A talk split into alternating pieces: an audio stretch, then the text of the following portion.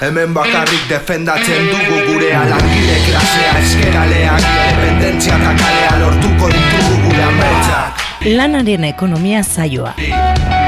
Gai ekonomikoak ulertzeko gakoak. Langileen ikuspegitik. Langile izatea ekonomia ikusteko erabat delako. Endika laborta mundarain eta Jon Bernat Zubiri ekonomalarien eskutik. Hemen bakarrik defendatzen dugu gure alangile klasea eskeraleak Independentzia eta kalea lortuko ditugu gure ametsak.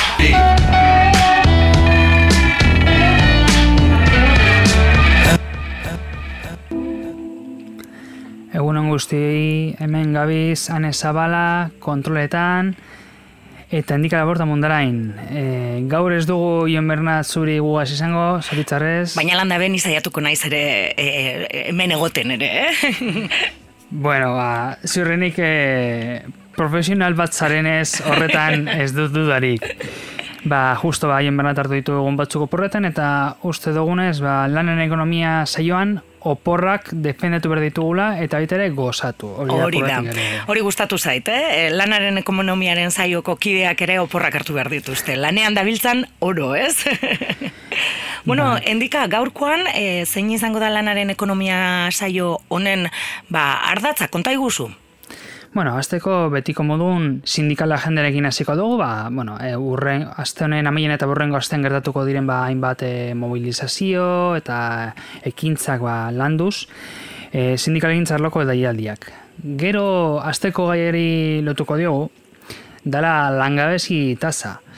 E, oin dela gutxi, atera dute, bueno, atera zan e, Euskal Autonomia Erkidokoko enplegu zailburuak, ba, Maiatz, maiatzeko datuak ematen, ez? Bai. Eta, bueno, tira, e, datu honak ematen zuten e, printzipioz, baina gaur aztertu egingo ditugu. Horren inguruan e, ibiliko gara, bai, ba, horren atzen dagoen irrifarrea, ba, ikusiko dugu ez dela hain irrifarre on bat. Eta gero, ba, bukatzeko e, izango dugu urko pa- apalasa dela argiako kasetaria, Mhm. Eta berekin hitz egingo dugu, ba, Gipuzkoako irekuntza sektoren emon den gatazka, gatazka garrantzitsu bat, eta bueno, e, azken e, maiatzen amaian emon zen akordio bat, ba, nola lortu zen akordio hori, eta zeintzuk ziren, ba, e, zein zen ingurua, eta segertatu zen, ba, aste, aste horietan, ez, ba, hain erraz eta hainarin akordio bat e, sinatuz. Bueno, ba, gaurkoan lanaren ekonomian hiru gai ardatzi izango ditugu eta hasteko, ba, sindikal agendarekin goaz.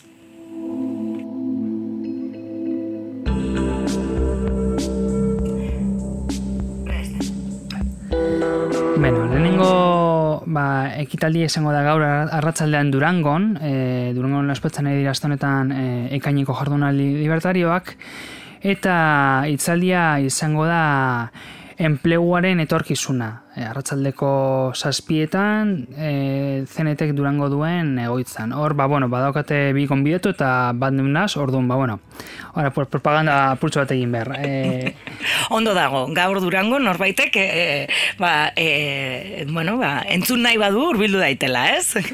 Bai. Eta bueno, e, hortik aurrera, ba, bueno, datorren, asteburu honetan badakagu mobilizazioak, e, eskerraldetik martza, hor e, bizkaiko eskerraldean ingo da, langabezia, prekaritatea eta gasto militarren aurkako mobilizazio da. Izango da, larun bat honetan, e, eta sestako kasko plazatik e, irtengo da eguerdiko amabietan. Gero jarraituz, ba, astelenero modun egiten dan, ba, pentsio duinen aldeko elkarreteratzeak izango dira, e, astelenean e, Bilbon goizeko amabietan, baina bueno, baita be beste buruetan eta hirien dietan e, egingo da. Eta jarraituz, badakagu, etxez etxeko laguntza zerbitzuko langileen elkarretaratzea.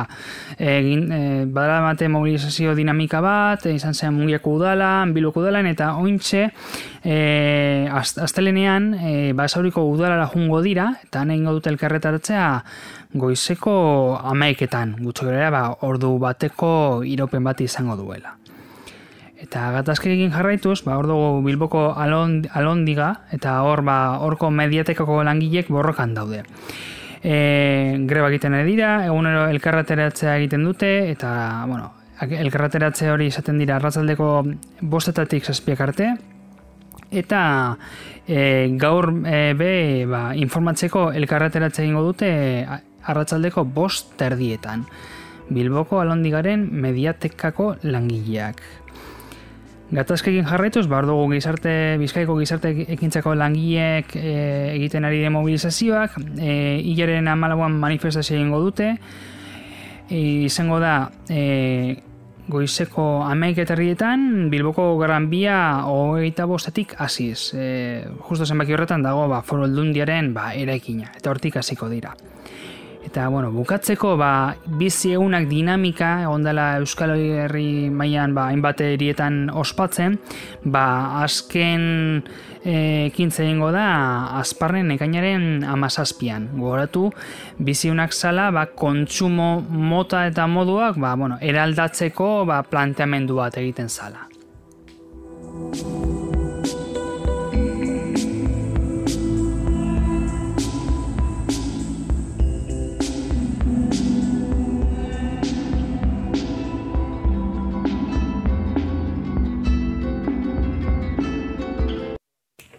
Aipatu bezala, gaurko saioan balangabezien datuen inguruan arituko gara, askan estadistikek diote langabezitasak gero eta murritzagoa dela, horrela entzun dugu azken asteetan, Euskal Autonomia Erkidegoan, euneko amaika komo iruan kokatu dira, eustaten arabera. 2000 eta amabiko neurri berean. Nafarroan 2000 bederatziko antzeko tasa batean dago.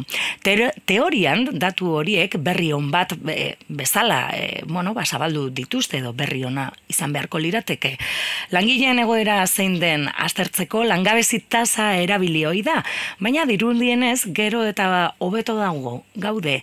Baina hori, ez dakit egia den, ala egi osoa den, edo zerbait eskutatzen duen, e, e, ba, bueno, datu horiek. Bueno, horrengo minututan ba, horren azterketa bat egingo dugu. Lehengo hasiko naz, ba, aipatzen, ba, nerotzeko erreminta bat da, eta bueno, e, gertatzen, tresna guztiekin gertatzen den bezala, ba, depende zelan erabiltzen dugun, ba, mm -hmm. zehatzago definide dezake ba, errealitatea edo ez. E, garai batean, ba, nire burua jartzen, ba, larogiko marka da. Mm -hmm. e, e, erabilgarria zen. Azteko, ba, lana, edo, bueno, aipatu gut enplegua, lana eta enplegua ezberdintzeko. Enplegua, ba, normalean kalitatezkoa zan, epe luzekoa, soldatak, ba, bueno, ba, bizitzeko aukera emoten zuten. Finkoa, izaten Finko, zan. finko, bai, bai, bai, bai. Kalaretza zozaia zan zenturetan.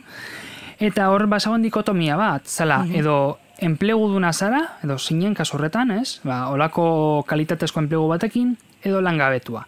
Eta normalean langabetua izateak zer esan nahi zuen garai horretan, epe luzean lanik ez aurkitzea. Mm Orduan, hor, ba, langabezi tasa bazen, basokan bere erabilgarritasuna, e, ba, bueno, langabezien ez basaude, lan, lanean zaude, enplegoatu zaude, eta ziurrenik zure lan baldintzak onak izango dira. Mm -hmm. horretan, ba, bueno, erabilgarria data. Historikoki horrela erabiltzen dute gobernok eta bar gauza da, ba, azken urteotan, lan merkatu bat eraldatu dala, mm eta lehen horrela erabiltzen bagenuen, gaur egun, ba, horrelako interpretazio egitea, ba, bueno, e, hori eso zer... Ez da zintzoa, ez? Ez, ez, ez, ez datu honak dira, baina, karo, e, ez da zintzoa, ez? Enplegu aldatu egin da. Ba, bai, eta, bueno, gero hainbat datuk ikusiko ditu, mm baina nork ez dozagutzen, bueno, nire kasu baita be, e, urtean zehar, bai, hainbat enplegu izan, e, epe laburrekoak, eta bai, agien estadistiketan nik e, landun moduan egon, egon naz, baina noski, e, hainbat e, lan, kontratu prekarioa lotuz eta diru gutxi kobratuz. Mm, ez dira lan egonkorrak, ez epe luzekoak, ez, e, laburrak kontratu, ez, e, e, laburrak, eta, bueno, ba, Ba, bai, bueno, tasetan agertzen e, da horrela, jende asko lanean dagoela, ez? Bai, bai. Eta planteamendu da, datu hauek hartuta, eta, bueno, hainbat zailburuak eta esan da, e, bueno, e, empleatuta gaudenez, ondo gabiz, eta errealitatea da, ez da enplegu izan, ba, ez gabiz bat ere ondo. Hori da purate planteatzen da, planteatzen duen arazoa, ez da? Ba, hor dago tasa bat, baina tasa horrek azaltzeko, azaltzeko duen gaitasuna, era bat murriztu da ba, lan merkatuan emondan ba, ba, eraldaketekin. Eta, bueno, beste adibide bat, batzuk hartuz, ba, em, langabezia erasoa da, hori da, baina badago, badauze beste erasoak, zeinek eh, tasa honek ez dituen hartzek, dela, zabor enplegua. E, e, zabor enplegua ugaritu da, eta lehen epatu dudana, hainbat e, kalitate txarreko enpleguak, et, epe, luze- epe laburreko enpleguak edo hartzea. Horretan, bagian kontatu baten iraupena izan detezke bos egun edo bi hilabete. Horrez egiten du, langabezi tasa murriztu, baina Mhm. berez, bai, dirur sarrera bat dugu, baina horrek eh, gure ongi izatea hobetzen du, ziurrenik ez. Eta gero, badago beste lakra bat dela lanaldi partzialena, eta batez bere, batez bere, ba, hau hartzera behartuta gaudenean. Mhm. Hori asko gertatu zaigu, ba, hartu behar dugula lanari partzial bat, agian ba, kontraturen euneko ogoita mairuan, eta nahiz eta oso emoteko ba, gogo izan, Mhm. ba, bertuta egotea, e, egoera horretara e, egotea. Azken finean, zeri buruz egiten ari gara, prekaritatea. E, langile txiroak izatera ba, kondenatzen gaituena. Hori da, ba, horren atzean dagoela. Eta langabezitasak ez du, ez du hori hartzen, ez da aztertzen.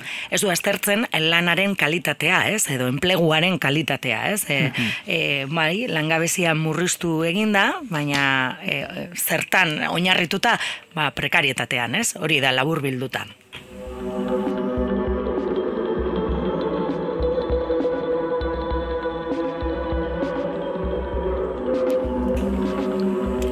Orduan, e, nola ulertu dezakegu zein den enpleguaren egoera? Ba, hor e, egiten dugun proposamena da hartzea ba, 2007 eta 2018ko datuak. Da, justo, ba, krisi hasi zen urtea, eta e, erresizio handi honen amaieran gaudenez, edo hori diotenez, ba, bueno, hartuko du bidatu horik, ezta? Eta 2007 eta 18 alderatzea. Lehenengo harritzen, edo bueno, lehenengo datu edo nahiko larria dela da, da amarka, amarka luzenetan, laro gita mila pertsona okupatu gutxiago dauzela. Pentsa behar dugu, e, Euskal Herri penintxularren mailan garela milioi bat, milioi eta eun mila langile okupatu edo, Mhm. ba, eun mila gutxiago dauziela. Horrek, e, horren atzean zer dago?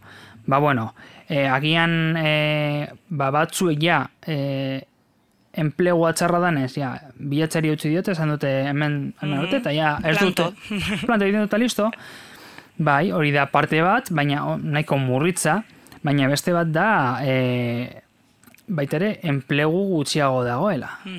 Orduan, zentzu horretan, ba, estadistiketan, ia eun mila pertsona gutxiago daude lanbila, hau da, ia mila pertsona gutxiago daude langabezian, zentzu horretan. Orduan, hor dago lehenengo, ba, ba, langabeziaren ba, kritika bat, eta baita ere, ba, e, mai gainean jartzen den irudia, ezta?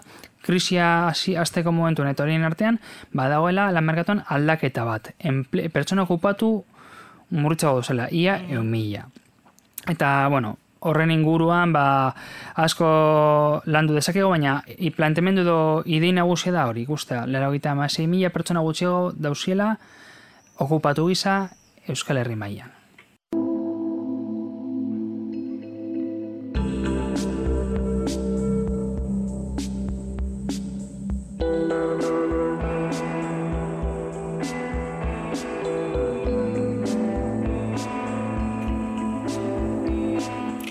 Suposatzen dut endika enpleguaren jardunal enpleguan eh, jardunaldi motarekin eh, zer gertatu da. Hor zer gertatu da enpleguen jardunaldi motarekin. Bai, hemen da agian ba, puntunen edo azalpenaren mamia dagoen puntua, ezta? E, normalean e, ba, hainbat e, ba, e, gida hartzen dira eta bat da ba, jardunaldi mota, ia osoa em, jardunaldi osoko enplegu bat dan, partziala, lehen aipatu dugu, ba, partziala e, asko handitu dela azken urteotan, bai, eta mm, gerta, batez be asko handitu dela, baina ez borondatezkoa, hau da, nik esan edo, ba, diez, nik erakatzen dela, bueno, ba, nik eh, nahiago dut nire denbora lagunekin eta nire hobiak egitera, lan egitea baino, ez da?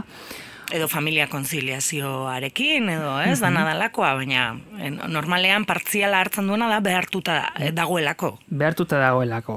Orduan, hor, hor egon da aldaketan handi bat, eta bueno, gero e, ikusiko dugu zenbait datu.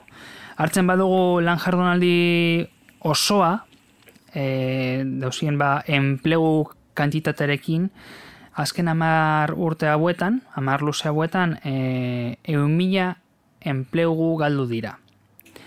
Hau da, bagara mm -hmm. esan dute milioi bat langile edo okupatu edo olako zozer, ba, krisi hasi zenetik ona, eun mila en lan jardunaldi osoko enpleguak desagertu dira. Eta ez dira berriro bueltatu. Mm bueno. Berez, e, kantitate handiagoa da, konpentsatzen dela ba, estadistikoki beste kontatu mota batzuekin, baina egun mila gutxiago dauzia.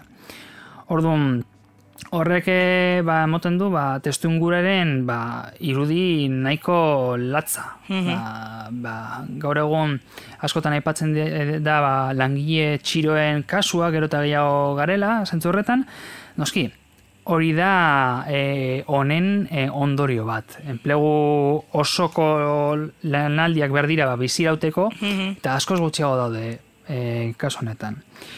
Eta alderatuz, bale, murriztu dira enplegu, e, jardunaldi osoko enplegu, baina esertetu da partzialekin, orokorrean. Ba, esan mm -hmm. ah, ba, agian, konpentsatzeko ez zenbat kontratu partziale gehiago dira.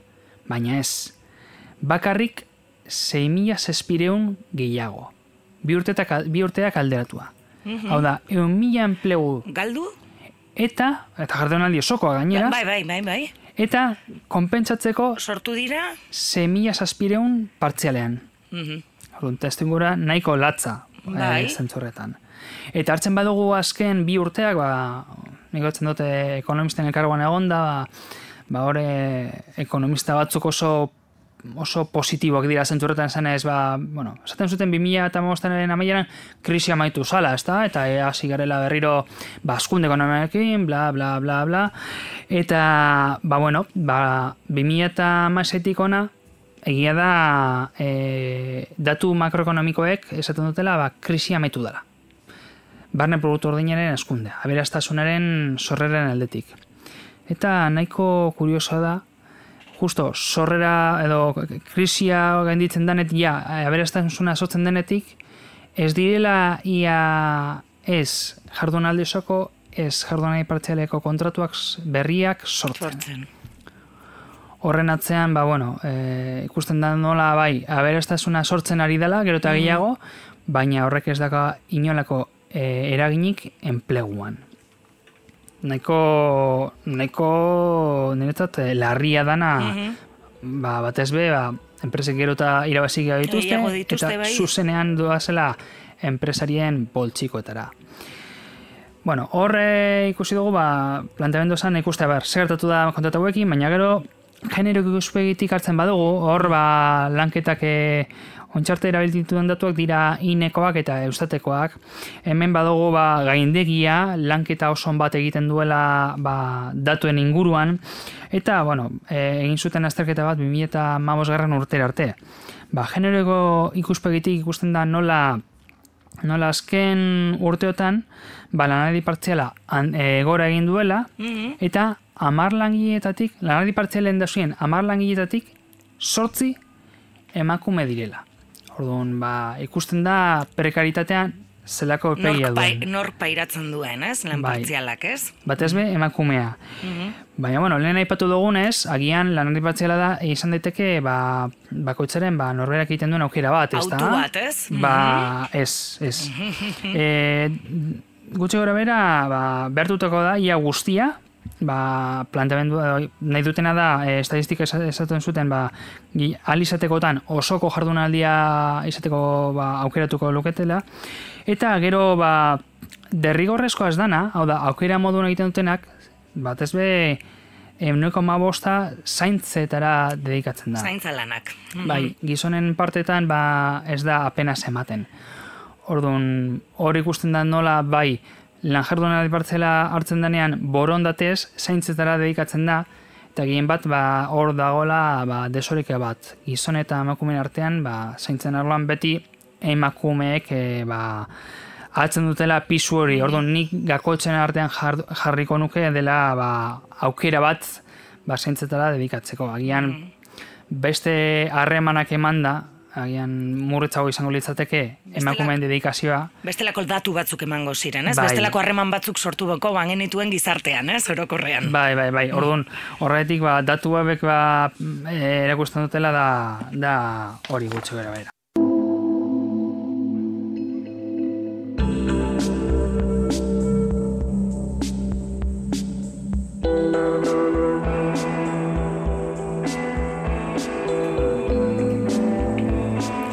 Endika, eta zer gertatzen da e, behin kotasunarekin, horren inguruan zer esan dezakegu? Ba, egon hasi bilatzen lanbideren estadistikak eta datuak, ba, hiero ateratzen dute zenbat kontatu sinatu dituzten, eta bar, eta behin kontasun hori, ba, enoeko laro marrean e, jarraitzen du. Eta nahiko kuriosa da, e, hau mantendu dela krisi garai guztian, baina krisi baino lehen hau, baitere, behin hori e, euneko lero gita marra zan, hau da.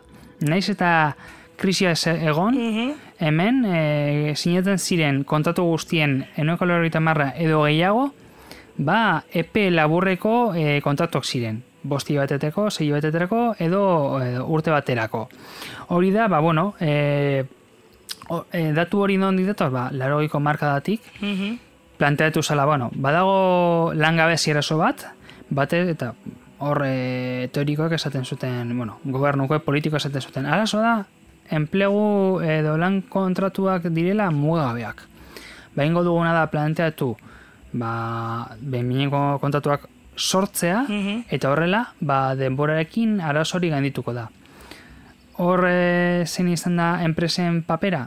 Ba, batez be, erabili dutela behin hori, ba, haien giza balibideen ba, estrategia moduan. Epe laburreko kontatuak eginez. Enpresek, e, enpresek kaleratzeak erabiltzen dute ba, giza balibideen erbinta moduan. Adibidez, 2008an, e, datuak argia dira Eskola Autonomia Erkidegoan. Sinatu ziren, sortziren, dala lau mila kon, behinmineko kontratuak, Mhm. urte batien. Urte batean. mhm. Eta pentsatu, hainbat, ia, sortzi, ia laro, e, laro, e, laro gita mar mila, laro, laro, sortzi piko mila kontratu sinatu ziren, eta gutxi gora bera, bagarela hemen, milioi bat langile. Horren datzen zer dago? Ba, langile askok dauzelea epe, e, epe laburreko edo enbineko kontratuak lotzen bata Bata bestearen bestearen atzean, bestela atzean. zenbakiak ez du ematen, ez? Bai, baskotan esaten dutenean, kontratazioa euneko bostan henditu da. Hor, eh, horren atzen dagoen e, trukoa zein da, bueno, ba, langile bati kontratu bat egin beharrean egiten diogu bost, eta listo. Urte osoan bost em, egin beharrean, Mhm. ba, epe luzeko, luzegorako e, kontratuak, ez? Bai, eta honek, ba, bueno, lehen aipatu dugu, e, lan, lanaldi partziala, e, jartzen dugu ba, behin, behinekotasun hau, ba, hor, prekarizazioak duen ba, ba, indarra e, oso handia dela ikusten da. Eta hau lotu behar dugu baita ere e, lan erreformekin. Ba, lan erreformek egin dute, bueno, alde batetik nolako kontratuak sustatu, baina ez ahaztu, baita ere e, lan kontratu mugagabeak e, mugagabekin bukatzea askoz merkeago egitea. Bai, bai, bai, hori izan zen, ez? E, lan erreformak ekarri zuen gauztako bat, ez? E, ez dakit, pare bat lan erreforma egon dira, ez? Baina orain lan mugagabeak ez dira, hain mugagabeak. Bai, bueno, mugabea zentzu e- ez dakigula zein den muga, baina, bueno... ba, hori ba, ona ze pasa den egunen lagun batekin, ostalitzan lan egiten zuela, eta zeukala lan kontatu mugabe bat, eta kaleratu dutela. Oso merke, hori, eta horrek eh, eragina doka baita ere prekarizazioan, orduan, behin behinekotasun hori, ba, bueno, ikusten da, zelako eragin txarra duen langilloantzako.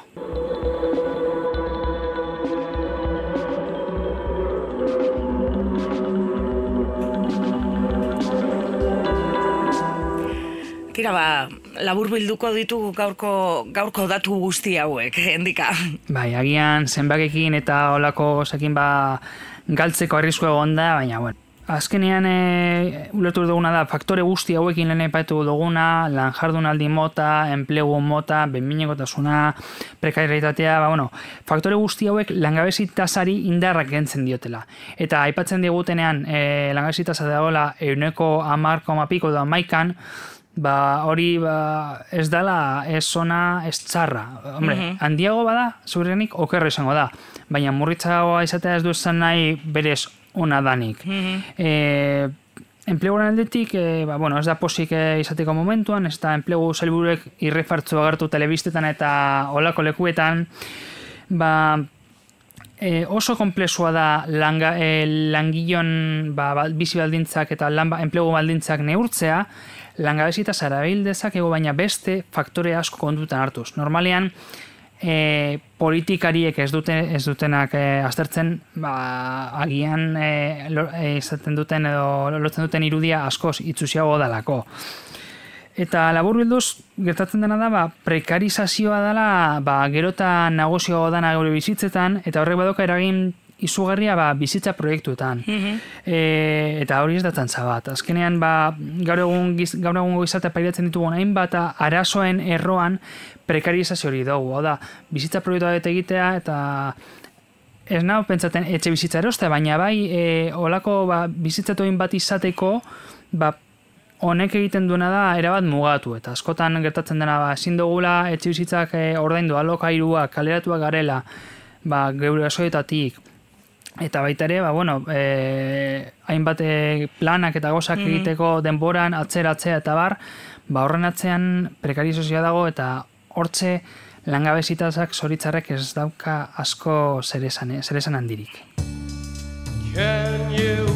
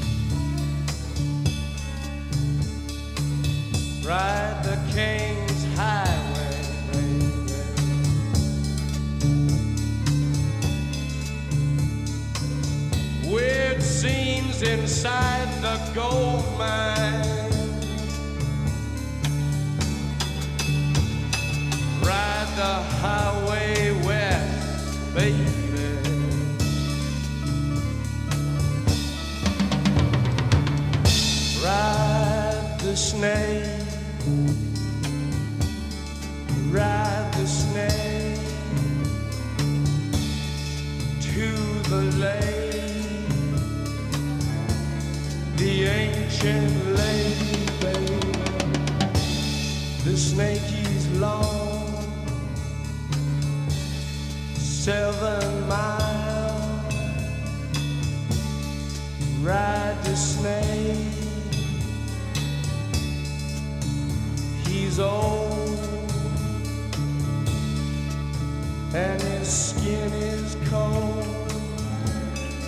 Lanaren ekonomiaren saioa duzue hau, Bilbo iria irratian, alabedi eta guzti irratian ere entzungai duzuena.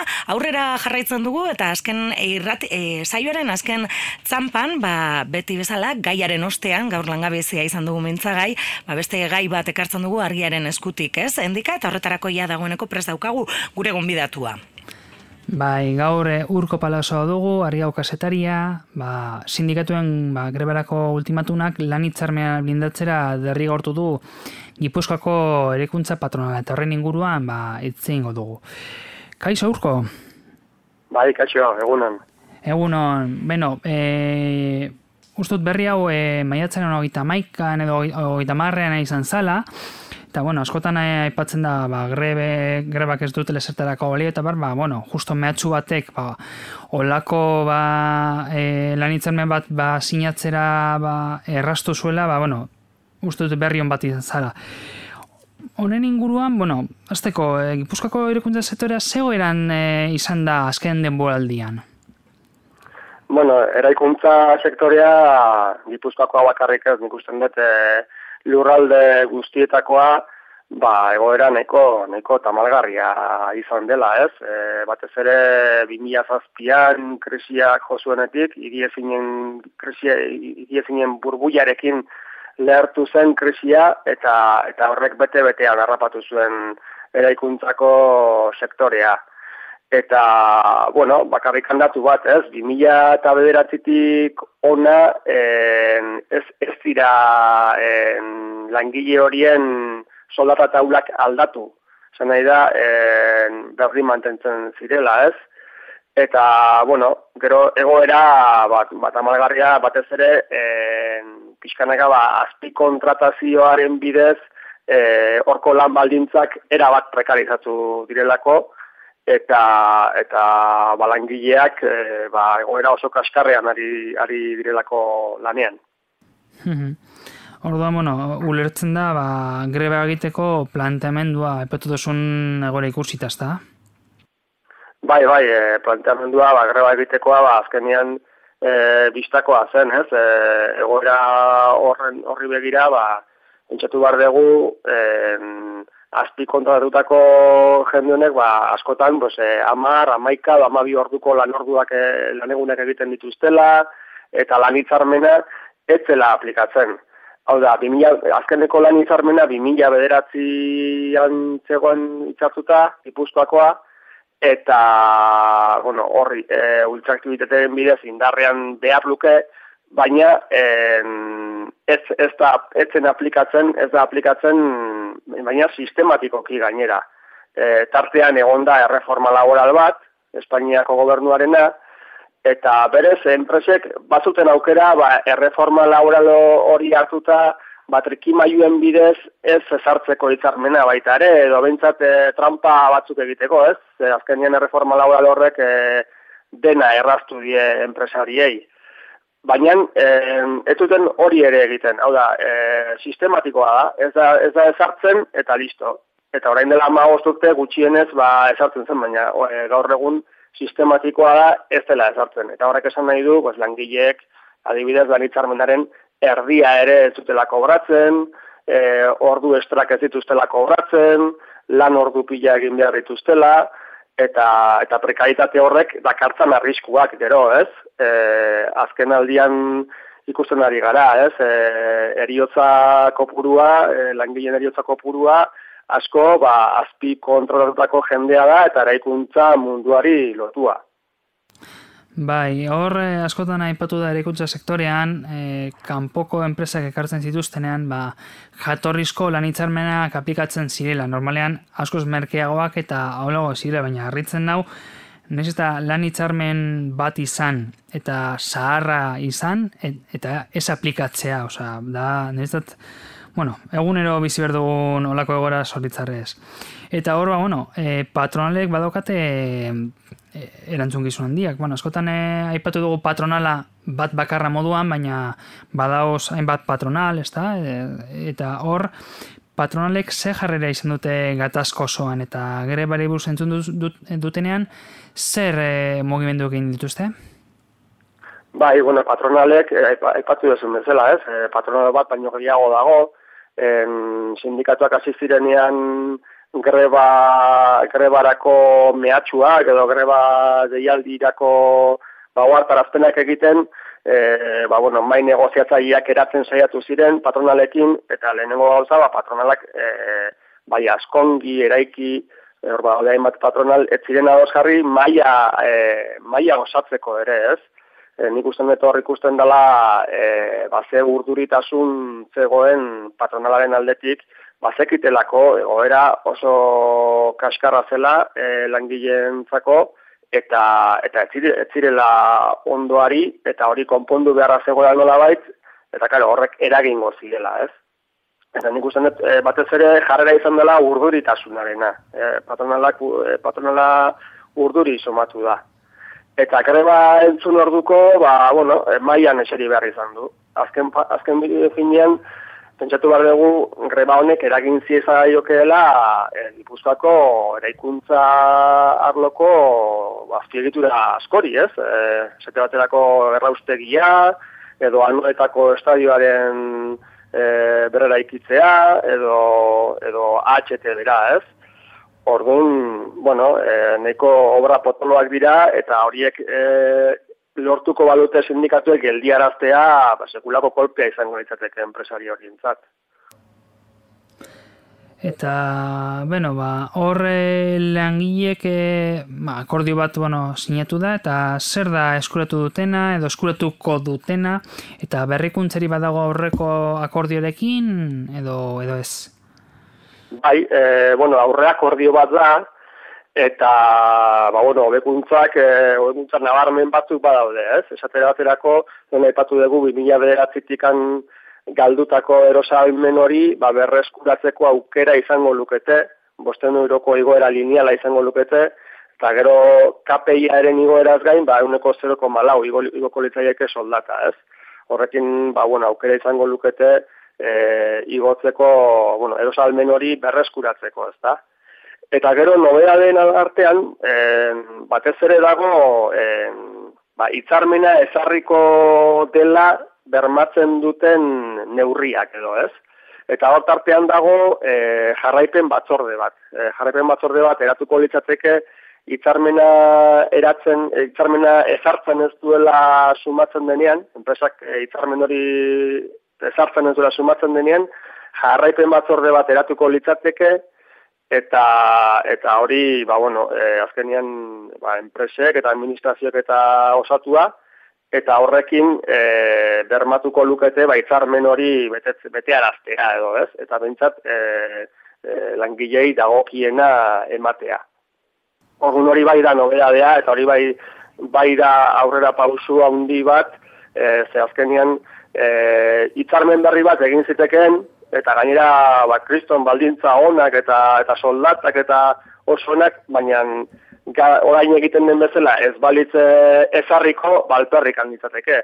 Eta kasu honetan ba, jarraipen batzorde horrek eta ba, beste hainbat neurrik bermatzen dute hitzarmena betetzea. Eta hori da pixka bat eh, nobedadea.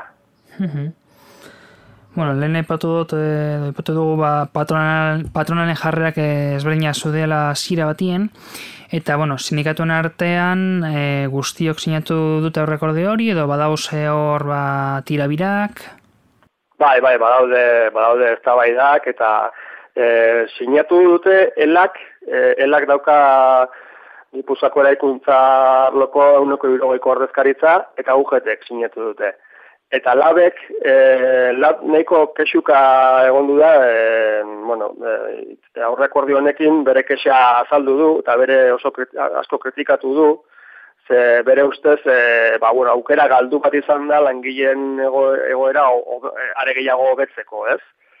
em, labek dioenez em, erosalmena ez da hainbeste berreskuratuko, eta gainera e, bere ustetan jarraipen batzorde horrek ez duke aukera izango obretara ikus, ikuskaritza lanak egiteko eta horrek e, ba, pixka bat bere lana mugatu mugatu egingo luke, ez?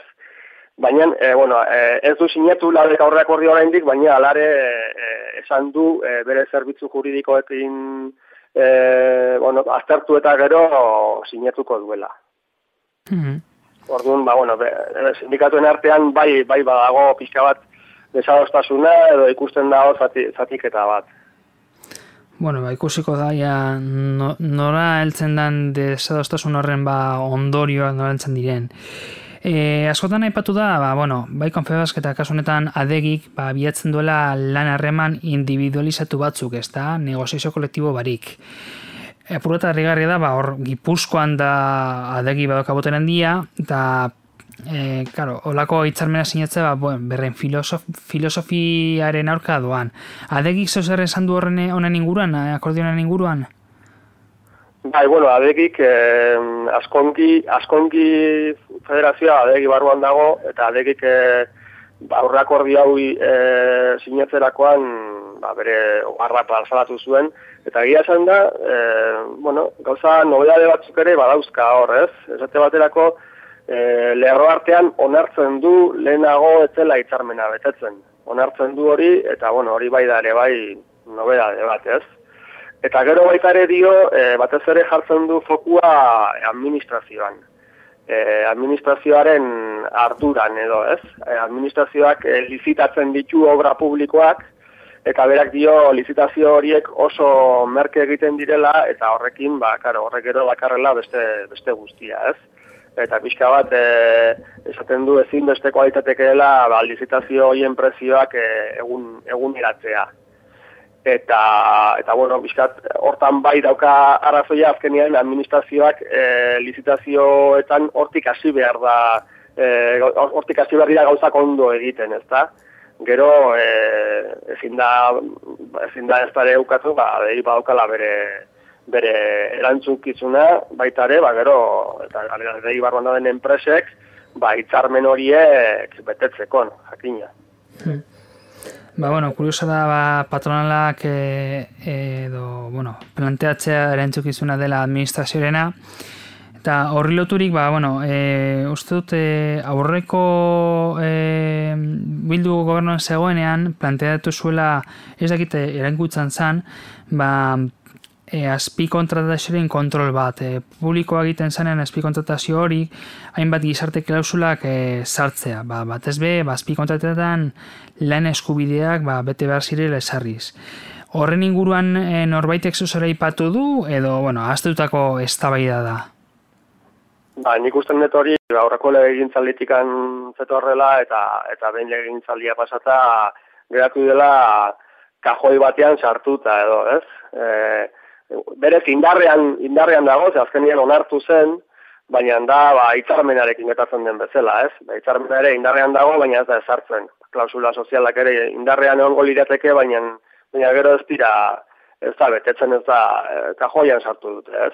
Horre, bere garaian Gipuzkoako diputazioak orain dela gutxi atera zuen kontratazio etikorako gida liburu bat edo esku liburu bat, hor nolabait eh, lan baldintza lan baldintzak bermatzen zirela e, ba, bueno, klausula batzuk edo jartzeko ba, gomendatzen zen, eta bar, baina, bueno, dia pixka bat, nik usten dut, e, ba, eskuli buru bat ateratzea ondo dago, baina egitan egin behar dena da, ba, e, onartutako hori, ba, klausula horiek e, betetzea, ez?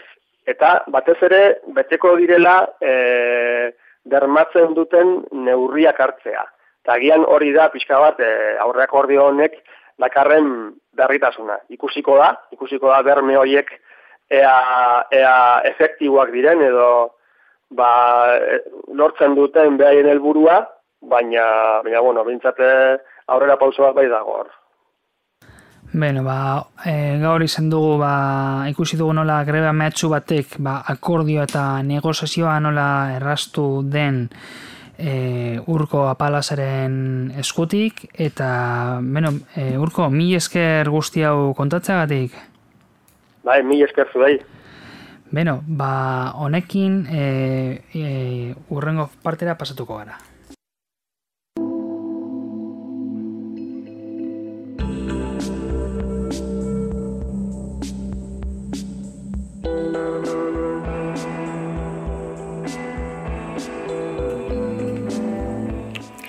Bueno, gutxinaka gutxinaka denbora agortu dugu, lanaren ekonomiaz jardun dugu luze, endika alabort izan da gaur saioaren gidari, baina laburbilduko dugu gaur kontatutakoa. Bai, ba, bueno, e, urko palazarekin e, grebat, grebaren boterea hitz egiten e, izan gara. Hau da, asko, askotan ba, gure inguruan entzuten dugunean grebek ez dutela esertarako balio, ba, hor badauka osue ba, beste argumentu bat ba, falazia hori desmuntatzeko. Gogoratu, eta, bueno, e, nik askotan entzuten dut tabernetan, e, hori kaina tartzerakoan, ba, mira, hemen dugu ba, kasu bat, zeinan erabigarri dan. Eraikuntza, gainera oso sektore importantean, ez? Eta gogorra, gogorra. Eta gogorran ere egia da lan egiteko, bai. Baina bestetik ere langabeziari begira jarri gara, eta e, man dizkiguten datu positibo horiek edo aztertu ditugu sakon. Bai, ba, bueno, ospatzeko arrazorik ez dugula ikusi ikusi dugu.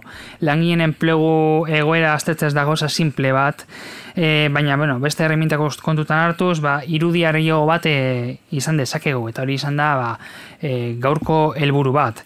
Sentsazioak ez dira onak, eta zenbaki ba, datu hau baiestatzen dute, egoera hau baiestatzen dute, zoritzarrez. Bueno, eta bukatzeko ere, ba, esango dugu, sindikal agenda ere itzi dugula e, hortxe, norbaiteke, ba, e, bueno, jakin dezan ere entzuleak, ez? E, ze gatazka, zelan gatazka dauden, eta ze protesta ari diren egoten egun hauetan.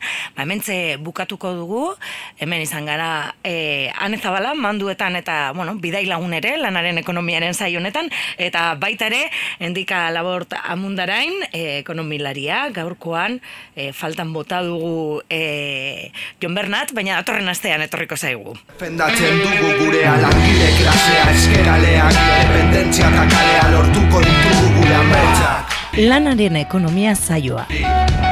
Gai ekonomikoak ulertzeko gakoak. Langileen ikuspegitek. Langile izatea ekonomia ikusteko erabat delako. Endika laborta mundarain, eta Jon Bernat Zubiri ekonomalarien eskutik. Hemen bakarrik defendatzen dugu gure alakide klasea eskeraleak, independentzia eta kalea lortuko ditugu gure ametsak.